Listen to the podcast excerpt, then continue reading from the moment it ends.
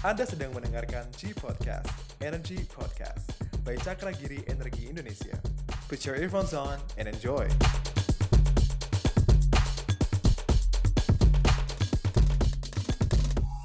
Halo semuanya, selamat datang di G Podcast, Energy Podcast by Cakra Giri Energi Indonesia yang membahas isu-isu dan perkembangan energi dan lingkungan di Indonesia maupun global. Bagaimana kabarnya kawan-kawan energi antusias? Semoga dalam keadaan sehat dan pastinya semakin semangat dong ya dalam beraktivitas. Perkenalkan, saya Ardian Alvin Farezi, panggil aja Ardian, sebagai analis di Cakra Giri Energi Indonesia yang akan membersamai kamu dalam G Podcast, Energy Podcast pada episode keempat kali ini. Baik kawan energi antusias, pada G Podcast episode keempat kali ini akan membahas topik yang tentunya sedang hangat-hangatnya nih di Indonesia, yaitu mengenai G20 Indonesia. Untuk itu, topik yang akan kita bahas pada episode kali ini adalah momentum presidensi G20 dalam mendorong transisi energi. Sustainable Energy Transition atau transisi energi berkelanjutan menjadi salah satu isu prioritas pada presidensi G20 Indonesia tahun 2022. Forum Transisi Energi dalam format Energy Transitions Working Group atau bisa disingkat ETWG pada presidensi G20 Indonesia berfokus pada tiga prioritas yaitu akses, teknologi, dan pendanaan. Dengan tiga fokus tersebut, G20 diharapkan dapat mencapai kesepakatan bersama dalam mempercepat transisi energi global, sekaligus memperkuat sistem energi global yang berkelanjutan dan transisi yang berkeadilan. Negara-negara anggota G20 menyumbang sekitar 75% dari permintaan energi global.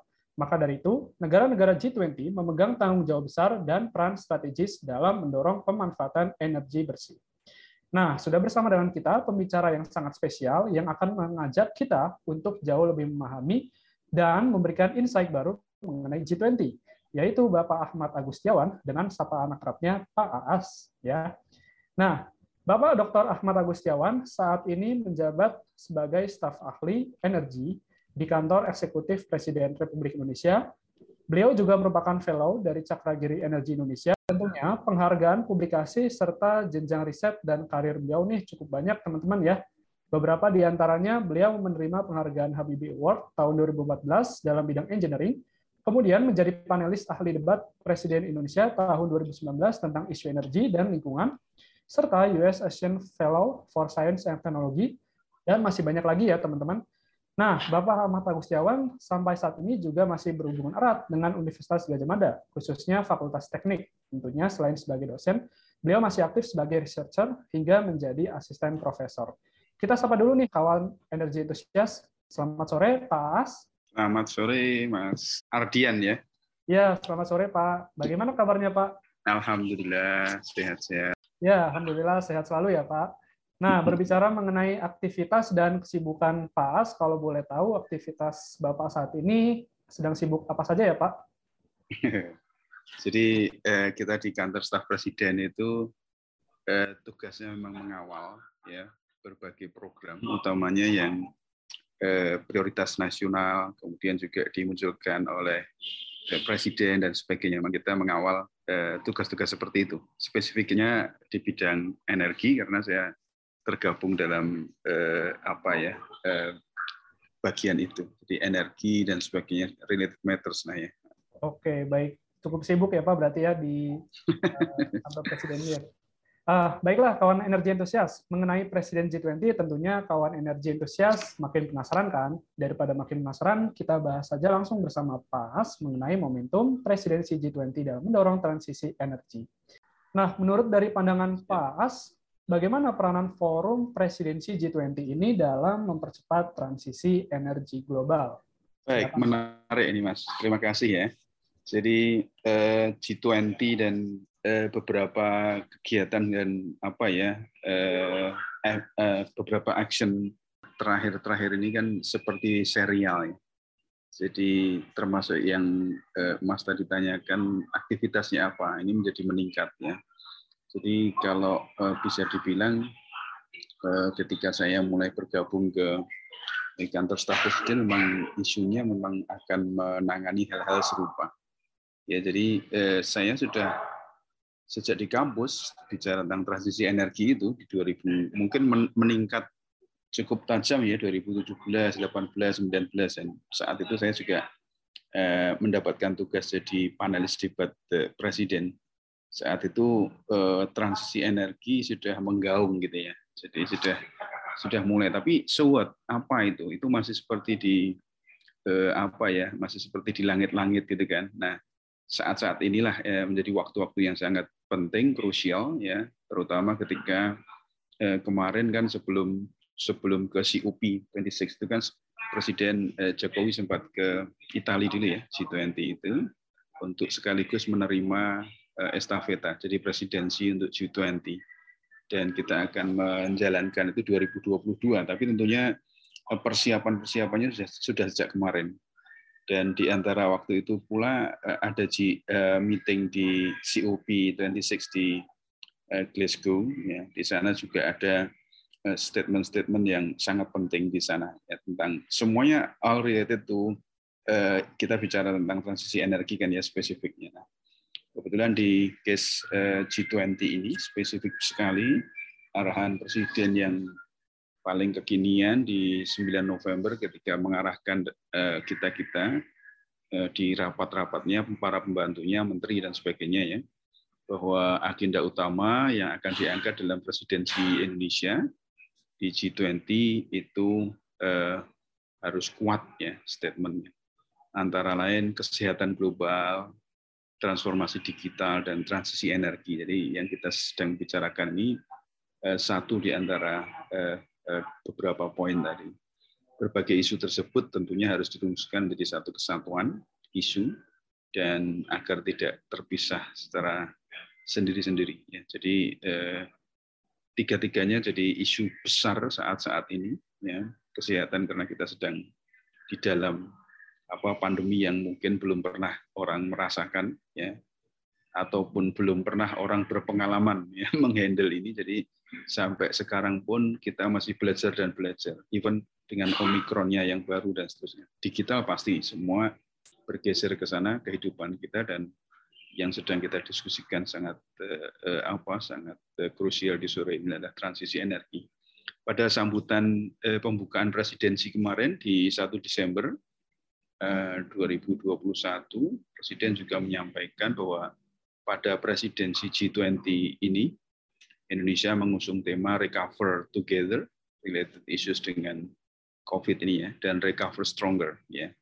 Jadi Recover Together, Recover Stronger itu uh, isu yang uh, bisa di, uh, uh, di, dimainkan secara sangat uh, signifikan dan penting. Ya. Dan dalam presidensi G20, Eh, Indonesia akan fokus mengerjakan tiga hal tadi, penanganan kesehatan inklusif, kemudian transformasi berbasis digital, dan transisi eh, menuju energi berkelanjutan. Tentunya presidensi menjadi sangat penting.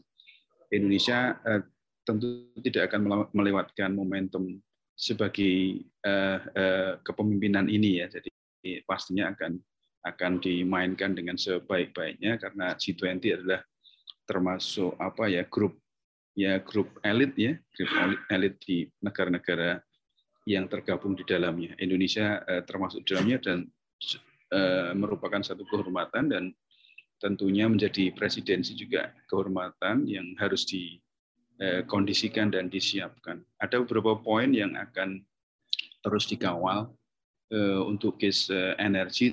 Tentunya kita juga menyiapkan beberapa isu-isu yang penting di sana ya kan.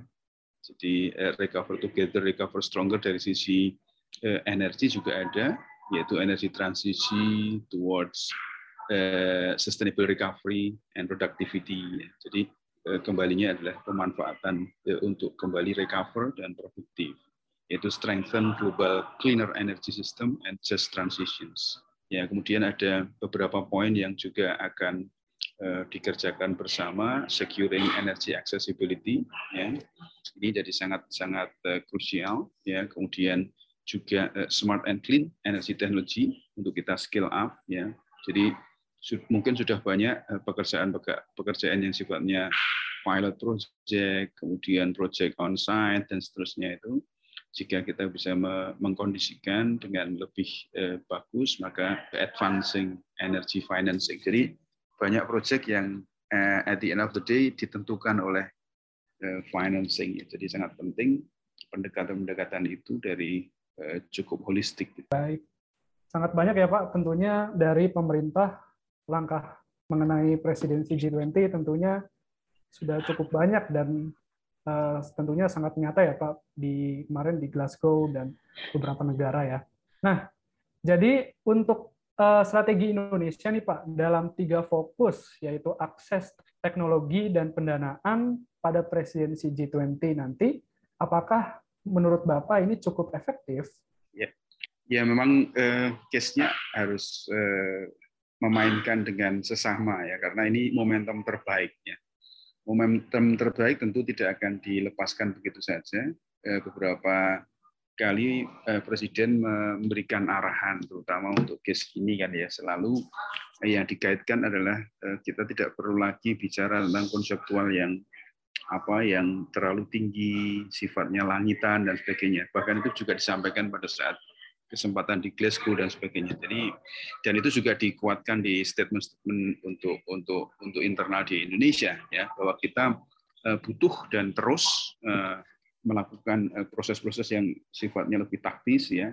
Sebagai contoh di sektor energi kita terus melangkah maju dengan pengembangan ekosistem mobil listrik, ya, kemudian pembangunan pembangkit listrik tenaga surya terbesar di Asia Tenggara, kemudian pemanfaatan energi baru terbarukan termasuk biofuel, ya, kemudian pengembangan industri berbasis clean energy, juga eh, pembangunan kawasan industri hijau terbesar di dunia yang berada di Kalimantan Utara.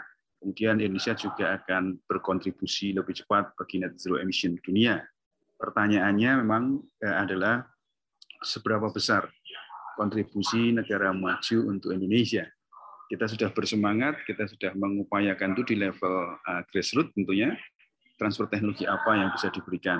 Ini tentunya butuh aksi dan implementasinya secepatnya. Selain itu kan juga ada carbon market dan carbon price yang juga harus menjadi bagian dari penanganan isu ya perubahan iklim ini nanti uh, kita combine bersama kan ya namanya isu energi eh, baru terbarukan itu biasanya kita harus combine dengan isu yang lebih besar lagi climate change dan sebagainya. Kemudian ekosistem ekonomi, karbon yang transparan, berintegritas, inklusif dan eh, adil itu harus diciptakan. Tentunya dalam case ini presiden selalu menekankan eh, action ya, action.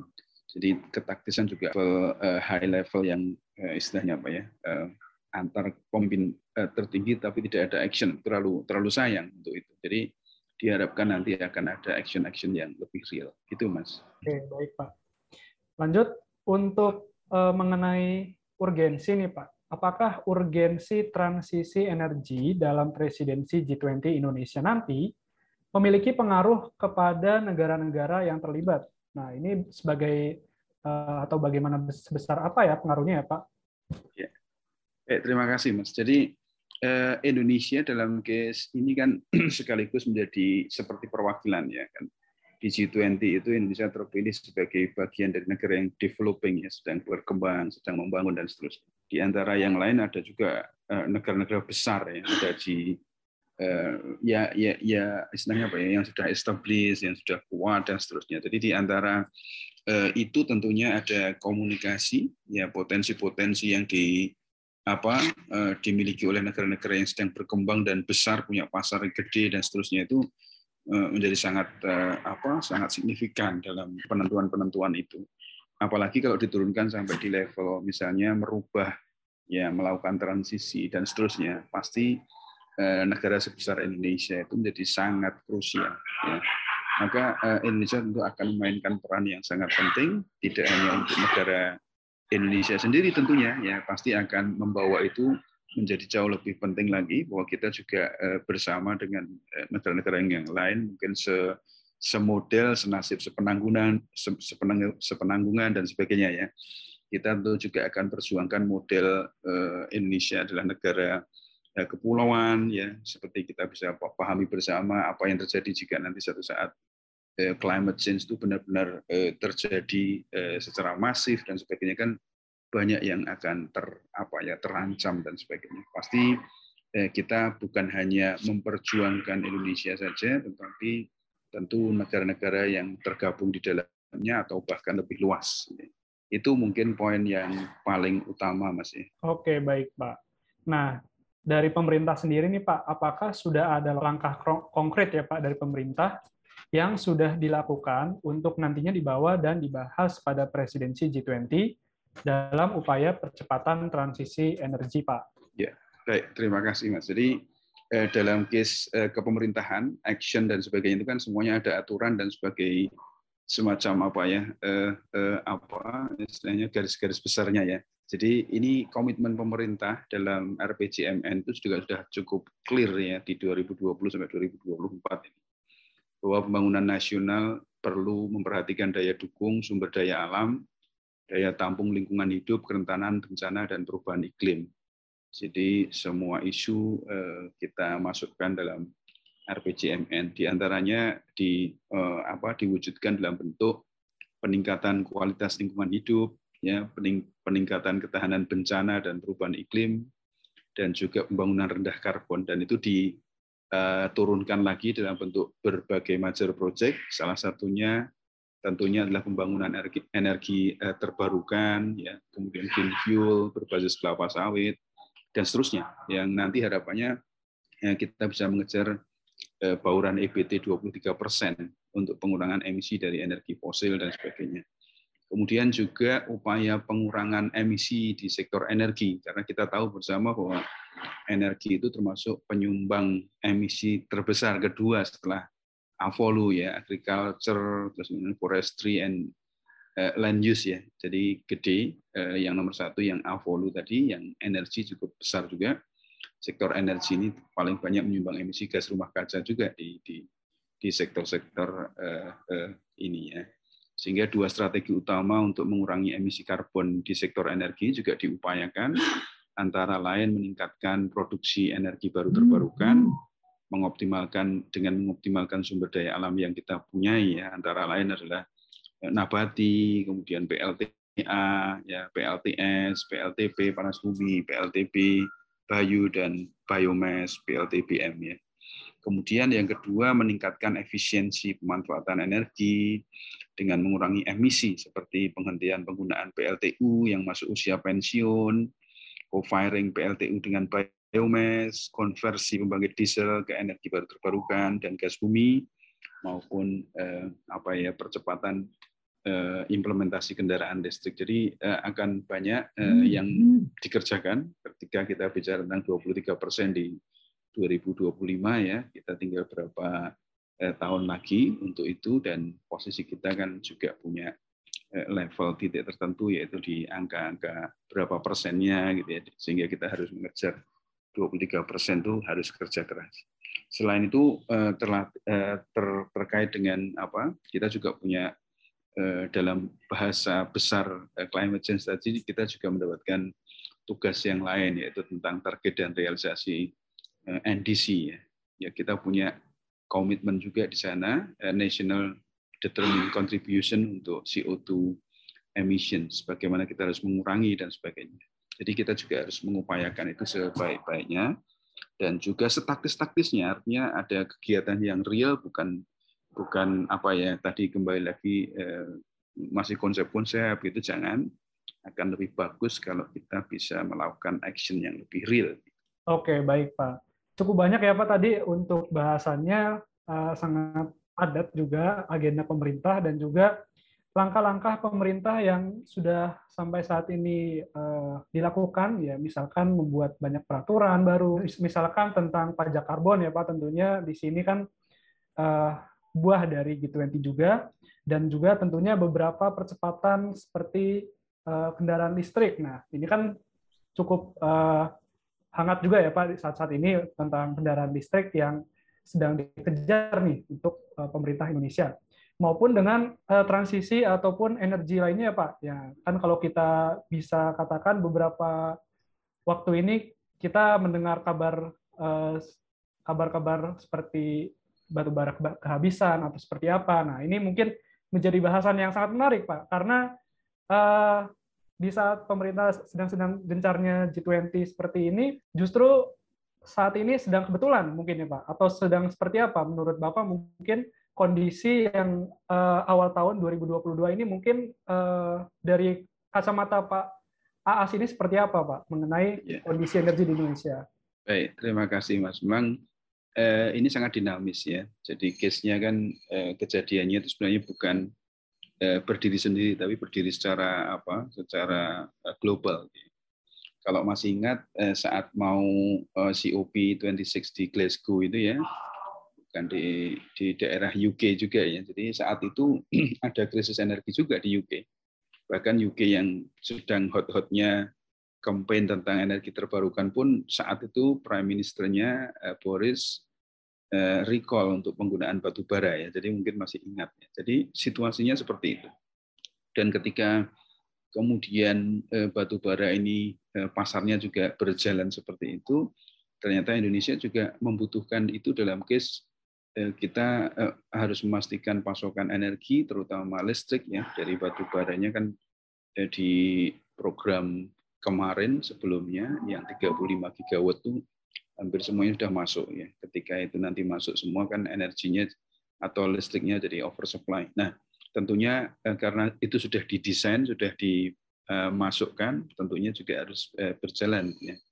Jadi kepastian-kepastian itulah yang yang yang membuat dinamisasi eh, pasar terjadi di di hari-hari terakhir ini dan presiden gesturnya adalah memastikan untuk keamanan dalam negeri sehingga ada kegiatan-kegiatan yang perlu dipastikan di apa diprioritaskan dan sebagainya. Jadi prioritas untuk suplai energi di dalam negeri menjadi kebutuhan dan untuk rakyat ya gampangannya untuk bahasanya untuk untuk sebesar-besar kemampu kemakmuran dan kesejahteraan rakyat. Itu poinnya, Mas. Oke, baik. Terima kasih Pak Ahmad Agustiawan.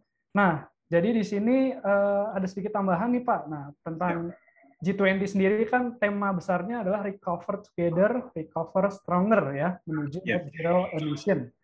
Nah, menurut pandangan Bapak ini seperti apa, Pak?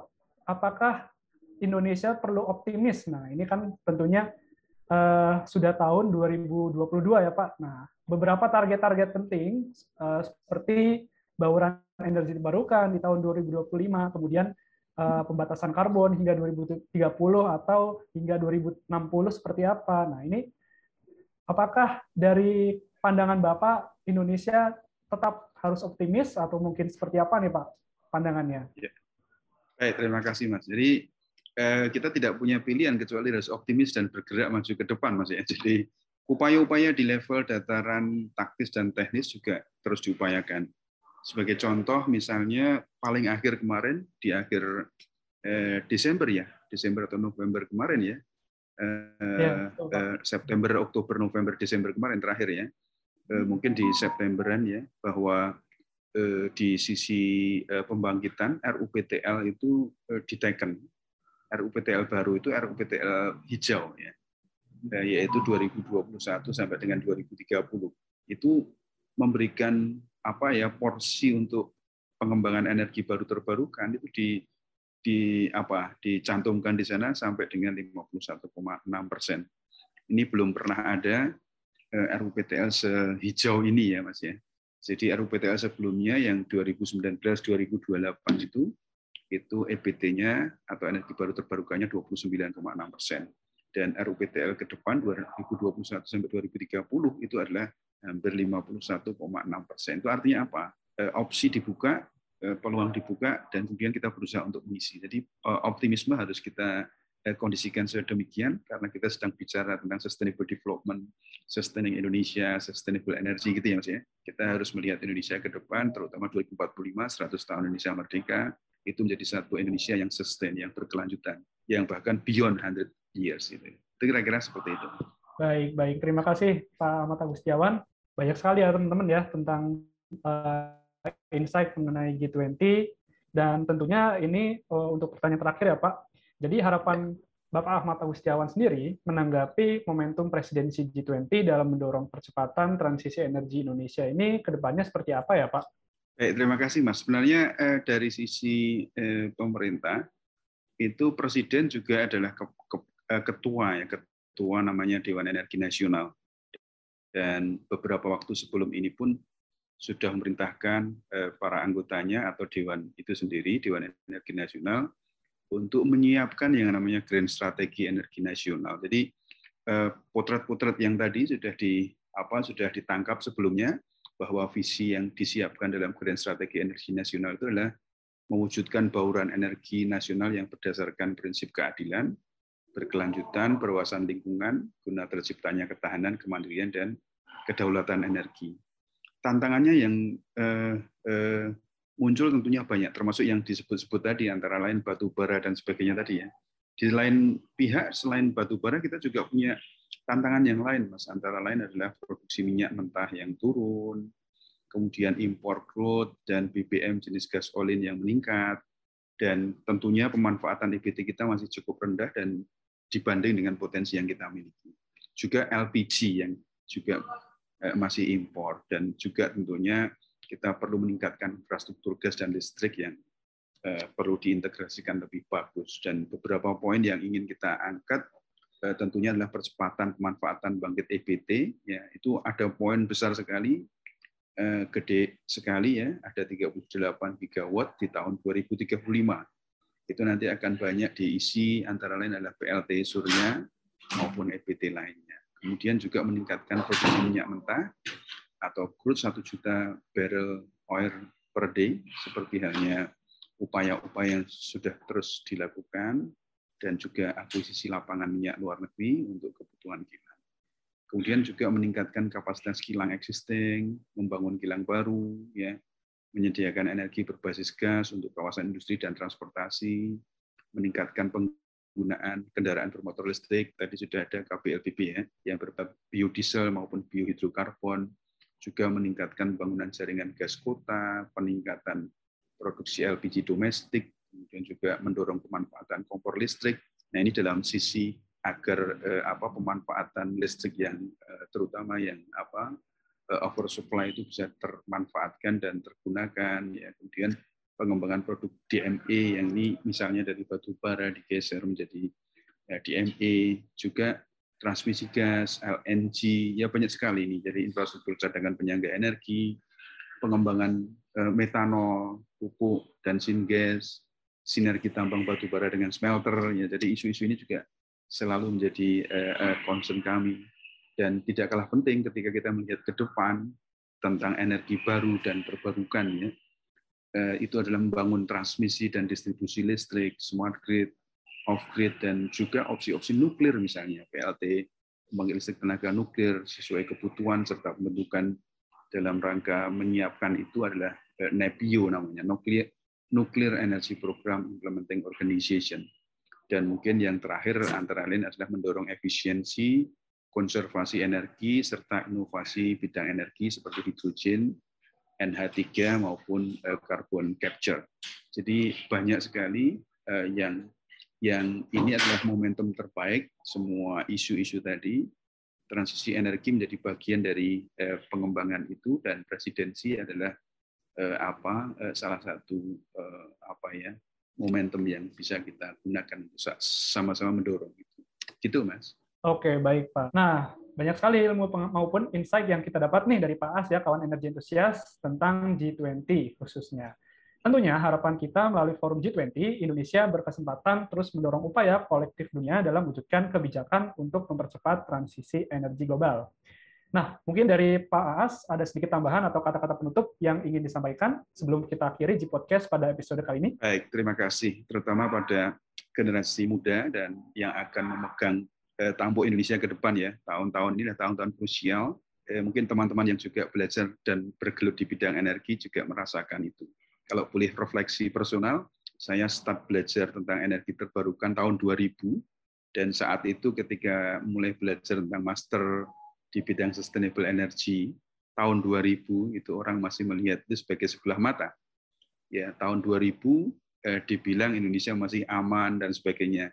Fossil fuel masih aman dan seterusnya. Tapi ingat 2004 Indonesia sudah meninggalkan masa-masa emas, bukan lagi menjadi anggota OPEC. Nah, ini tentunya kalau kita melihat rentang waktu, kita bicara tentang masa depan dan sebagainya, menjadi sangat krusial untuk itu ya sehingga ke depan kita harus siapkan kita harus tanamkan sejak dini pada eh, apa eh, para pemuda eh, para apa istilahnya generasi-generasi yang akan mengambil tampuk ke depan terutama ketika kita bicara 2045 dan sebagainya bahwa kita harus pastikan Indonesia mendapatkan apa support dan supply dari sustainable energy ya memastikan sustainable development pembangunan berkelanjutan dengan energi yang juga berkelanjutan. Itu poinnya Mas. Terima kasih.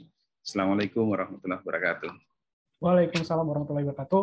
Baik, terima kasih Bapak Ahmad Agustiawan yang sudah meluangkan waktu di sela-sela kesibukannya ya untuk bisa sharing dan bincang bersama kami di G Podcast. Semoga insight baru mengenai momentum presidensi G20 dalam mendorong transisi energi bisa menjawab kebingungan kawan energi antusias selama ini ya jadi mungkin teman-teman tidak hanya ikut-ikutan atau hanya sekedar tahu aja nih kampanye-kampanye G20 yang sedang ramai saat ini. Sangat penting bukan? Cukup sudah perjumpaan kita pada G Podcast episode 4 kali ini. Tenang saja, kita akan kembali di episode G Podcast, Energy Podcast by Sakragiri Energi Indonesia selanjutnya. Terus berkarya wujudkan energi bersih. Sampai jumpa kawan energi entusias energi pada G Podcast episode selanjutnya. See ya!